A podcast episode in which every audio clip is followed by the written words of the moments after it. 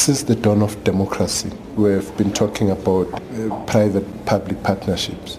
And uh, in most cases, that has not been realized. With the BASA, it's an example of how private sector can team up with the public sector to make something which is as big as this, but more importantly, highlighting the importance of arts for art's sake.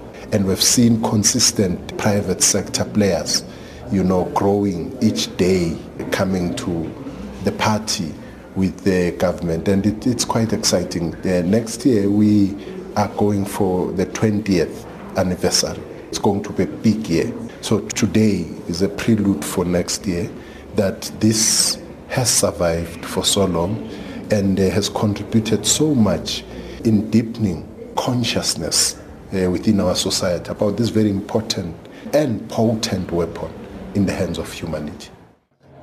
So I think that the, we're finally starting to see all kinds of organizations realizing that they can influence the arts. And it's not about how big your check is, it's about how passionate you are.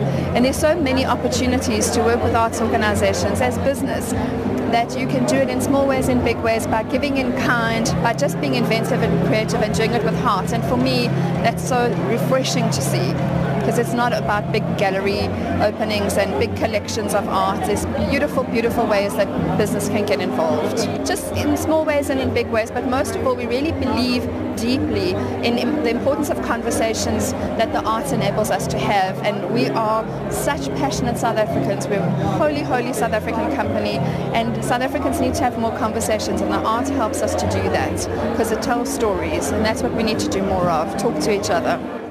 The U.S. government's commitment to the arts here is a way in which we connect with the South African people. So our relationship isn't only with the government of South Africa, but also with its people. And we cherish our relationship with the country's artists.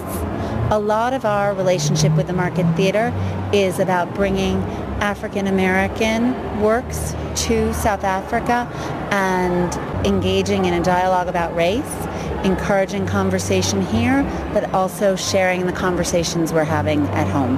We've got a huge range of initiatives in the arts. We have most significantly upcoming in about a month's time the Black Portraiture Show, which will be with the Goodman Gallery.